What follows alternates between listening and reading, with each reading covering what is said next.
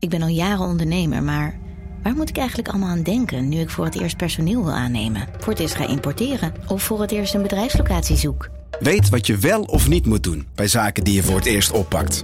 Check kvk.nl voor praktische stappenplannen.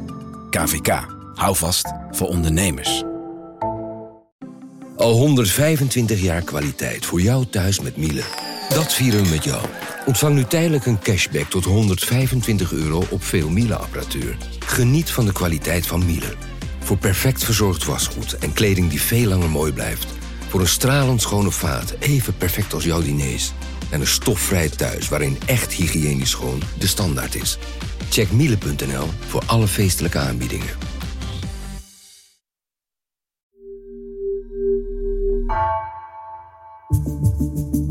Vanaf de redactie van NRC het verhaal van vandaag. Mijn naam is Thomas Ruip.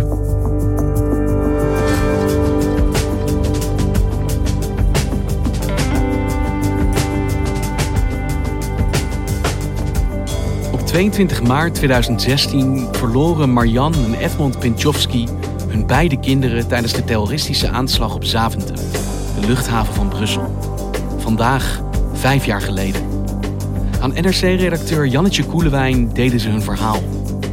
Alexander en Sascha heten hun kinderen.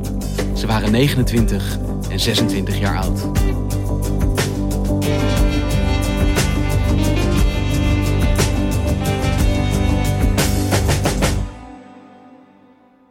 Kijk, als iemand vraagt uh, hoe gaat het met jouw kinderen of wat, wat doen jouw kinderen, dan heb ik daar ook geen problemen mee om, om te vertellen wat er gebeurd is. Dat ze inderdaad uh, zijn omgekomen bij die terroristische aanslag. En dan zie je, ook, dan zie je eigenlijk dezelfde ontzetting bij veel mensen.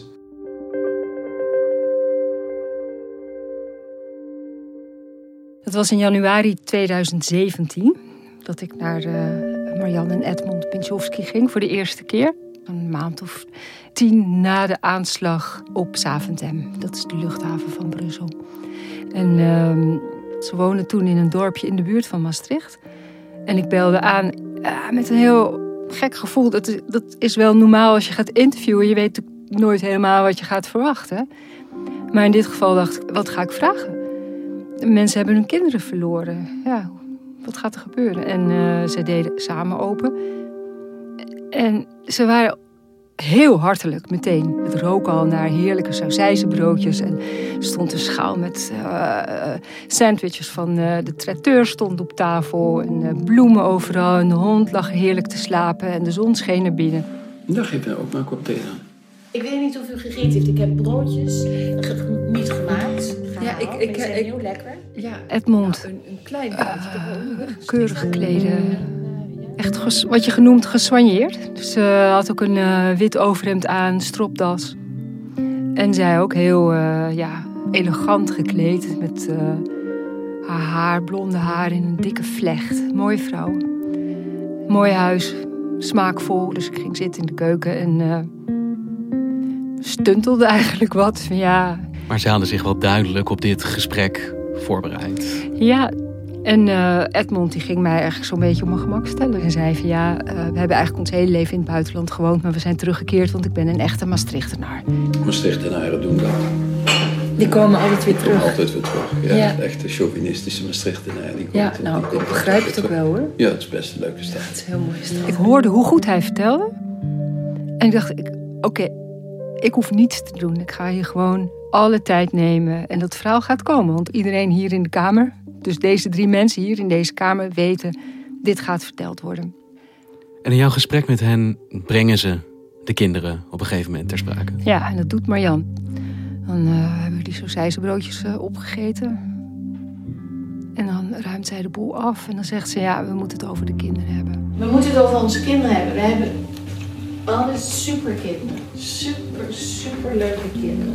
Geestige, empathische, intelligente, lieve kinderen. Want wat vertelt ze jou? Wie waren hun kinderen? Ze hadden een zoon en een dochter, Alexander en Sascha. En uh, Alexander was toen 29 en Sascha was 26. En ehm, die hadden eigenlijk hun hele leven met hun ouders over de hele wereld gezworven. Ze hadden overal gewoond, in, altijd in hotels. Want hij, Edmond, was dus altijd de general manager van allerlei hotels, overal op de wereld. En uh, elke paar jaar werd hij natuurlijk verplaatst. En ging het gezin weer mee. En uh, nou, Marjan vond het een goed leven, een mooi leven. Ze zegt ze ook steeds. We hebben een heel mooi sprookjesleven gehad. En die kinderen gingen mee en zijn dus op die manier opgegroeid. Dus ze waren zeg maar hun leven nog echt aan het opbouwen. Ze waren nog niet afgestudeerd bijvoorbeeld. Dat vond Edmond ook best vervelend. Maar zo was het. En zij waren die dag vijf jaar geleden op Zaventem. Ja, omdat zij, uh, Edmond en Marianne hadden hun kinderen een tijdje, vooral hun zoon eigenlijk even teruggehaald naar Nederland. Omdat hij, uh, hij had het moeilijk om wat voor redenen dan ook. En Sascha was ook teruggekomen, want die had problemen met haar verblijfsvergunning in New York. En ze waren een paar maanden met elkaar in Nederland. En het waren hele gezellige maanden geweest. En die dag gaan ze terug naar New York uh, vanwege een bruiloft. Ed heeft ze naar de trein gebracht. Maar het was een prachtige ochtend eigenlijk. Ja. Het was een stralende ochtend. Ja. En, en s ochtends uh, heb ik even met mijn dochter in de bijkeuken gestaan. Want die, uh, die, die was altijd bang voor vliegen. En als kind deed ik altijd een Indonesische truc die ik van mijn overgrootmoeder had geleerd. Dat helemaal niet bestond hoor, maar een kind gelooft erin. En dat was zoiets van dit doen. En dan zo en dan zo. En dan gebeurde er niets. 26 jaar, of ik dat nog even kon doen. Ik zeg, ik beloof je, er gebeurt niets. Vind ik heel erg dat ik dat gezegd heb. Er gebeurt niks. Zij is de auto ingegaan. Alexander is er nog uitgekomen. Die zei, ik ben vergeten je te, gedacht te zeggen. I need to hug you. Zo, ik zeg, ga nou maar, ga nou maar. En die keek me waren laat. Het heeft vreselijk zijn best gedaan om die trein te halen. Want we hadden de keus. We hadden de ja. keus tussen een 6 uur 40 trein en een 6 uur 50 trein. Kinderen wilden graag 6 uur 50. En dan hadden ze, dan waren ze en bij de 6 uur 50 waren ze de terminal niet meer binnengekomen. Dan dat was, dus was al gebeurd. Maar ik, ik dacht voor de vrede in huis, zei, ah neem jullie die 6 uur 40, maar dat in ieder geval geen stress als we weggaan. Hadden zij nog contact nadat hij ze afgezet had? Edmond had uh, vlak voor acht uur zijn zoon nog aan de telefoon. En dan is Edmond nog thuis en Marjan is ook nog thuis. Ik had mijn zoon aan de telefoon op dat moment. Um, op een gegeven moment viel zijn stem weg. Maar niet met een gil of een schreeuw. viel gewoon weg. Ja. En ik hoorde een vreemd geluid op de lijn. Wat me achter... Eerst dacht ik vallend glas. En toen later dacht ik... Nee, het zijn van die plafondtegels. Die, dat zo wapperend naar beneden kwam. En mijn zoons stem viel weg. En, en omdat ik dat rare geluid hoorde, heb ik aan Marjan de telefoon teruggegeven. Want het was haar telefoon. ik zeg, volgens mij heeft hij dat ding in een put gegooid. Dus die geeft de telefoon terug aan Marjan. Hij gaat naar zijn werk. Marjan gaat wandelen met de hond. En dan vertellen de andere wandelaars, er is een aanslag geweest op Zaventem. En ze denkt, ja, daar zijn mijn kinderen. Maar ze denkt ook van ja, we hebben zo lang op Frankfurt gewoond, in het hotel daar op de luchthaven. Ja, er was elke dag wel uh, iets. Dus ze neemt dat niet serieus. En ze gaat naar huis en dan zet ze wel de televisie aan en dan ziet ze de mensen wegvluchten. Dat is dan tien over acht. Ziet ze beelden dus van die luchthaven waar mensen in paniek naar buiten gaan. En ze ziet ook dat het mensen zijn die bij de incheckbalie van Delta wegvluchten. En zij weet, mijn kinderen zijn vliegen met Delta. Dus dan belt ze Ed op en zegt: Ja, misschien moeten we toch wel uh, daar even naartoe. En uh, ja, onderweg horen ze natuurlijk allerlei uh, berichten voor de radio. En Marjan denkt: ja, waarom laten de kinderen even, niet even weten dat ze safe zijn? Op Facebook heb je die meldingen: I'm safe. En ik zei nog tegen het: Verdomme, waarom zetten zij dat er niet Ja. op? Hè? En uh, ja, misschien is hun telefoon zijn ze kwijtgeraakt. Ik zei, nou hebben ze hem wel, de vraag is toch van iemand anders. Ja. En uh, dat En deden je ze dacht niet dat ze. Nee, dat ze- omdat, de telefoon, omdat er was ook geen telefoonverkeer mogelijk, werd ons gezegd. Hè? Dus Ja. het tele- telefoonverkeer lag helemaal plat. Nou, ze komen eraan en eh, worden er opgevangen. En ja, dan gaan ze opnieuw zitten wachten. Ja, ze hebben geen idee. Want Jannetje, wat gebeurde er precies op Zaventem vijf jaar geleden vandaag? Ja, s morgens vroeg, even voor achter, komen daar drie jonge mannen aan uh, op het vliegveld. Zetten hun uh, rugzak op trolleys en verspreiden zich door de vertrekhal. En uh, een van die drie zal later weglopen met achterlating van zijn, uh, van zijn rugzak. En die andere twee die blazen zichzelf op met de bommen in die rugzakken. Om twee minuten voor acht gaat, uh, gaat de eerste bom af. En dan een paar uh, seconden later of een halve minuut later gaat de volgende bom af. Op Zaventem in de vertrekhal. En niet veel later op metrostation Maalbeke, midden in Brussel, gaat de volgende bom af. En ja, dat is natuurlijk een gigantische terroristische aanslag. Vergelijkbaar met een paar maanden daarvoor in Parijs. Hè. Ook op verschillende plekken in de stad. Dus totale paniek. En tientallen doden en honderden gewonden. Ja, heel Brussel wordt afgesloten die dag. En, uh... Hoeveel mensen kwamen daar om toen? Ja, 14 op uh, Zaventem en uh, bij elkaar 35, inclusief de mensen die op het metrostation omkomen. En dat is dan met de aanslagplegers zelf erbij. En Alexander en Sascha. En Alexander en Sascha. Ja. En Edmond en Marianne zitten te wachten op nieuws. Zitten daar op het uh, vliegveld te wachten of in een van die opvanghallen in een van de hotels. Ja, wij zaten maar op dat telefoontje te wachten. En zelfs toen we uit het waren we bijna met niemand. Er, waren, er was bijna niemand. Er en waren maar een paar helemaal mensen. niet tot me door. Ik, ben, ik was toen al helemaal in een, in een shock. Nou ja, we wisten ook niet, we begrepen, ja, we, wat, wat moet je begrijpen? We waren maar met een paar mensen daar in dat hotel. En uh, daar hebben we dus tot uur of zes, zeven gezeten. Toen hebben we met mensen van het identificatieteam hebben we een antemortem document helpen opmaken. Um, en die zeiden, ja, de situatie is natuurlijk ernstig, maar er is altijd hoop, zeiden ze tegen ons. Achteraf, ook in het kader van wat we van de patholoog hoorden, gaan we ervan uit dat ze toen al wisten dat de kinderen overleden waren. Ja, achteraf weet de politie of wie dat maar aan het onderzoeken zijn, die weten gewoon al dat deze twee mensen dood zijn. Maar ze mogen dat niet zeggen, want eerst moet de identificatie helemaal rond zijn. Een paar maanden daarvoor in Parijs is dat dus verkeerd gegaan. En ze hebben mensen te horen gekregen dat hun, dat hun geliefden of hun relaties dood waren terwijl ze het niet waren en andersom. Dus dat willen ze voorkomen. Alles moet 100% duidelijk zijn. Dus die kinderen liggen al in het mortuarium. Zij zitten daar eigenlijk best dichtbij. En zij krijgen te horen van ja, gaat u maar naar huis, want vanavond doen we niets meer. Ja, die dagen daarna gaan ze telkens terug naar Brussel en dan horen ze niks en ze horen niks. Dagenlang? Ja, dagenlang. Ja, dagenlang. En dan, uh, het is dus dinsdagochtend gebeurd, woensdag zitten ze daar, donderdag zitten ze daar. Maar ze krijgen het dus pas vrijdagochtend van de ambassadeur te horen, officieel, dat hun kinderen zijn overleden. En zijn ze te weten gekomen wat er precies met hun kinderen is gebeurd op ja. die dag. Ja, want ze willen dat ook heel precies weten. Echt, zoals Marianne ook wel zegt, bijna ziekelijk. Je wil gewoon weten hoe is dat, hoe is, wat is er precies met ze gebeurd? Ze stonden met hun bagage voor de counter. Ja, nee. En hebben, doordat ze daar stonden, hebben ze dus de mensen die voor ze stonden, hebben ze het leven gered. Want ze zaten dus vol shrapnel. Ze zijn eigenlijk overleden, allebei door grote metaaldelen die in die bommen zaten. En dat, die vullen ze dus met dat, uh, met dat metaal. En die patholoog vertelde ons ook dat waren geen spijkertjes, dat waren echt grote stukken metaal. Maar dit was de achterkant, hè? Want, uh, dus zij stonden allebei met de rug er naartoe. En zijn allebei in hun hoofd geraakt. En waren dus meteen, meteen brain dead. Ja. En ik heb ze nog gezien. Uh, Marjan heeft ze in het mortuarium nog gezien. Jij niet? Nee.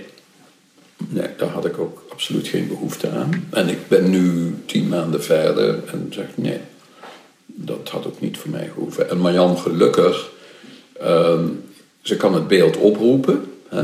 maar het is niet zo dat dat beeld constant. Nee, dat jij wilde ze wel zien. Ja. ja. Kijk, als ze in het ziekenhuis hadden gelegen, verbrand, onze dochter was verbrand, haar gezichtje was verbrand. En, maar als ze in het ziekenhuis hadden gelegen verbrand, dan was je er ook naartoe gegaan. Had je, dan was je er ook naast gaan zitten. En als moeder vond ik dat ik als laatste ze gewoon ook vast moest houden. Dat waren mijn kindjes die daar lagen. En uh, ja, ik heb ze omarmd, ik heb ze gekust. Ik heb ze vastgehouden en we zijn weggegaan.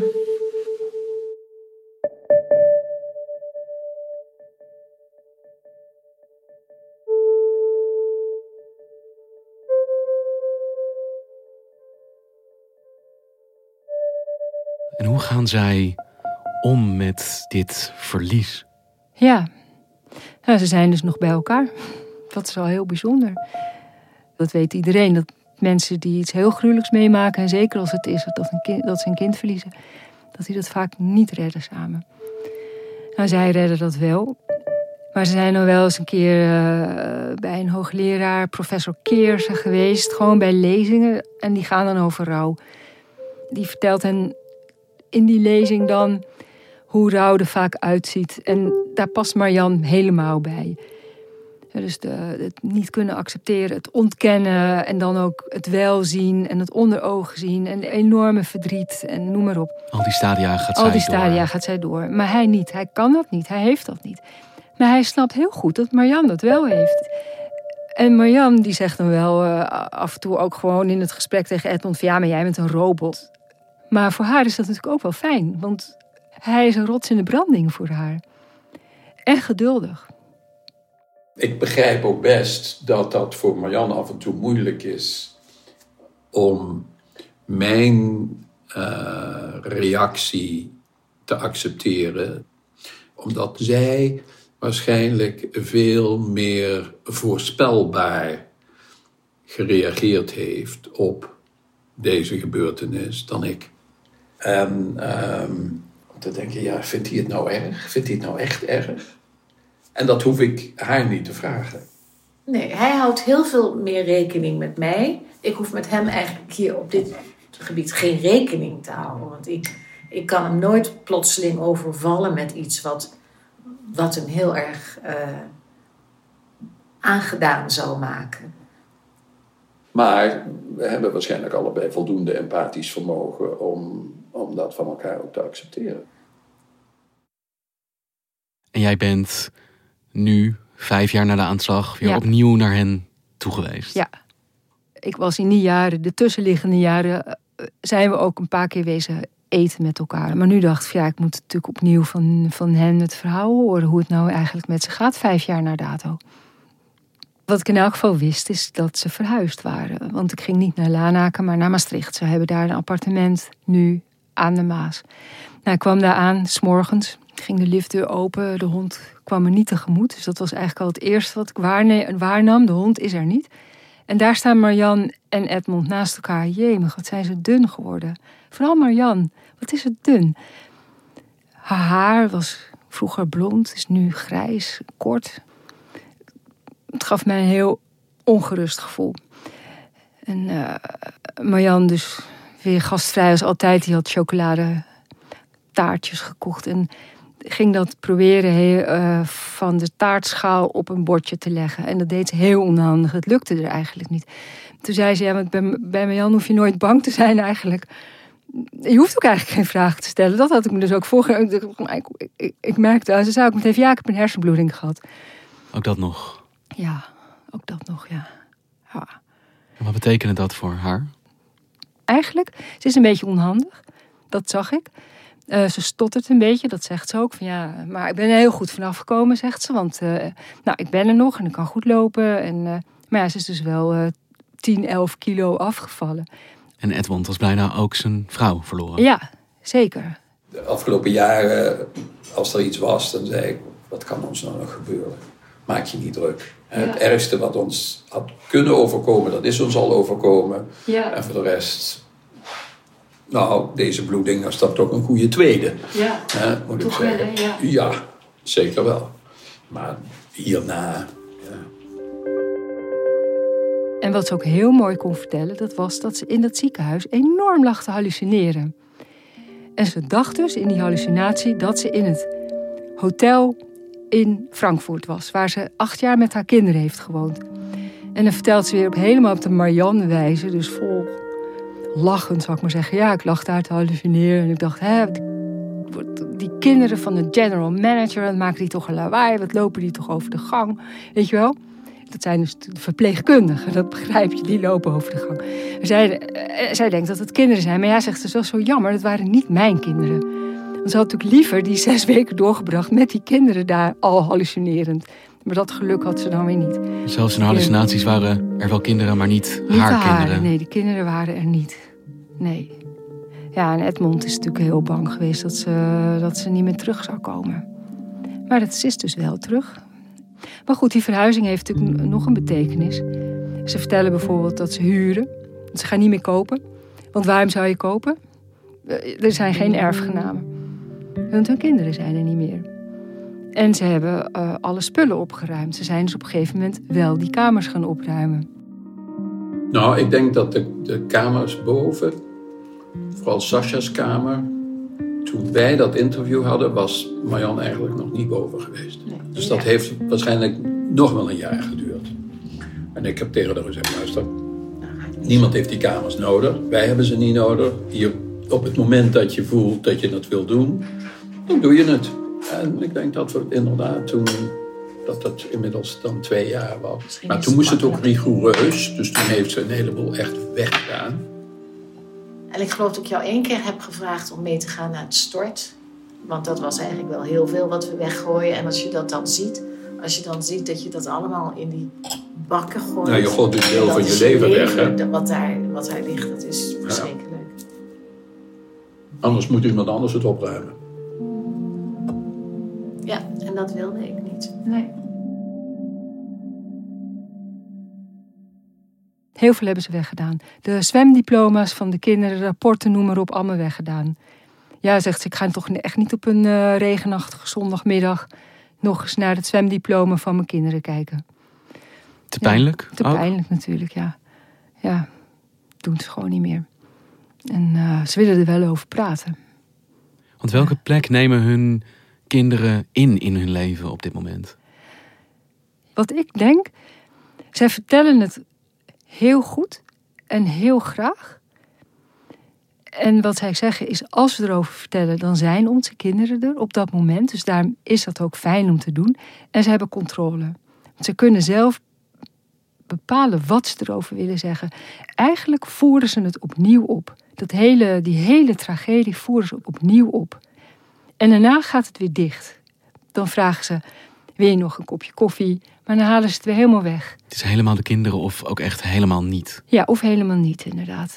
Ja, En het is vandaag dus vijf jaar geleden dat dit gebeurd is. ja. Hoe denken zij, kijken zij naar dat moment? er worden natuurlijk steeds herdenkingen daar eh, eh, eh, gehouden. En eh, daar doen ze ook aan mee.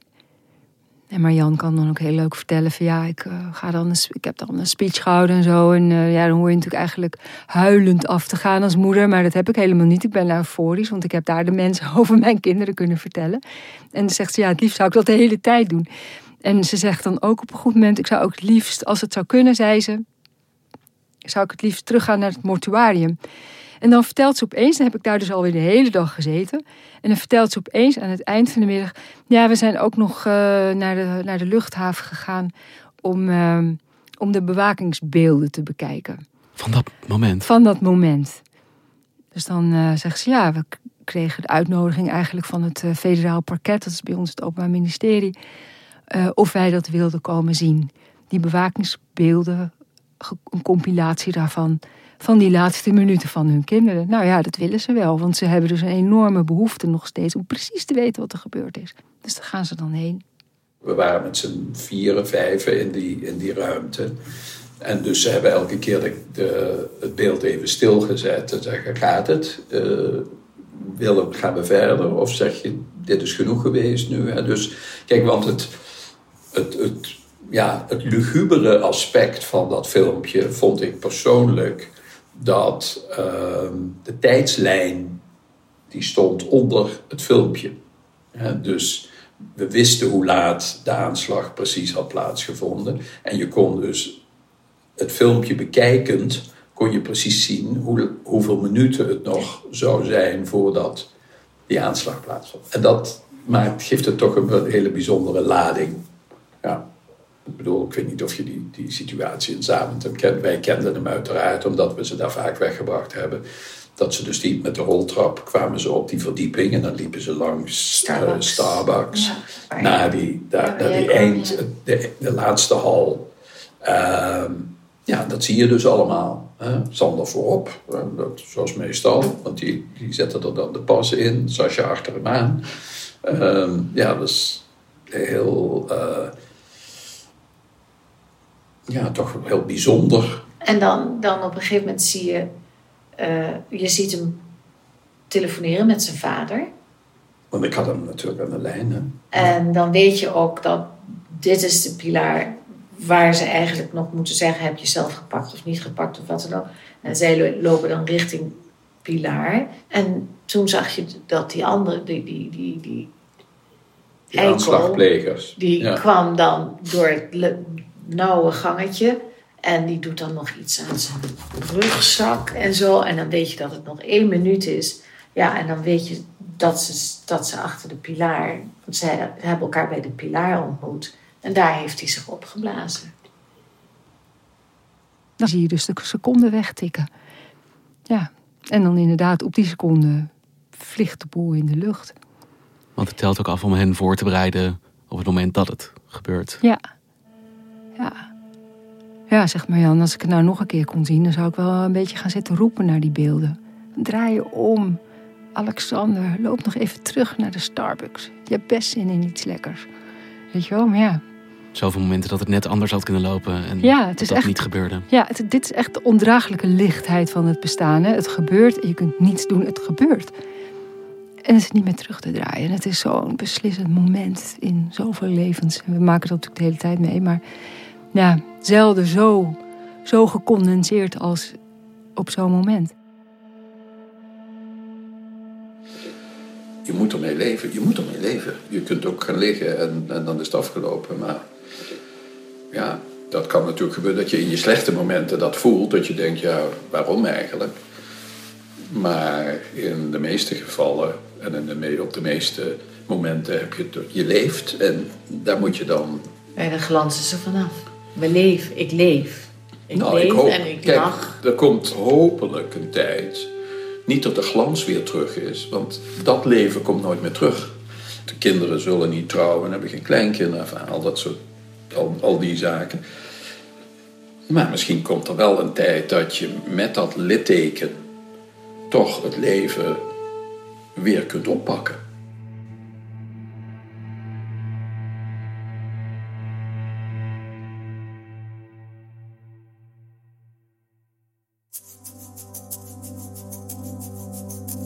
Wil je het prijswinnende interview van Jannetje Koelewijn met Marianne en Edmond teruglezen? Kijk dan vandaag op nrc.nl. Je luisterde naar vandaag, een podcast van NRC. Eén verhaal, elke dag. Deze aflevering werd gemaakt door Nina van Hattem, Allegria Ioannidis en Jan-Paul de Bond.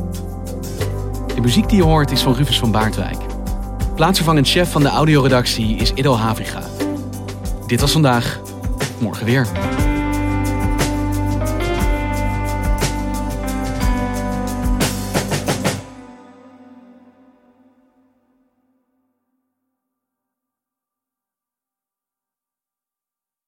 Technologie lijkt tegenwoordig het antwoord op iedere uitdaging. Bij PwC zien we dit anders. Als we de potentie van technologie willen benutten, kunnen we niet zonder een menselijk perspectief. Human-led, tech-powered noemen we dat. Ga naar pwc.nl.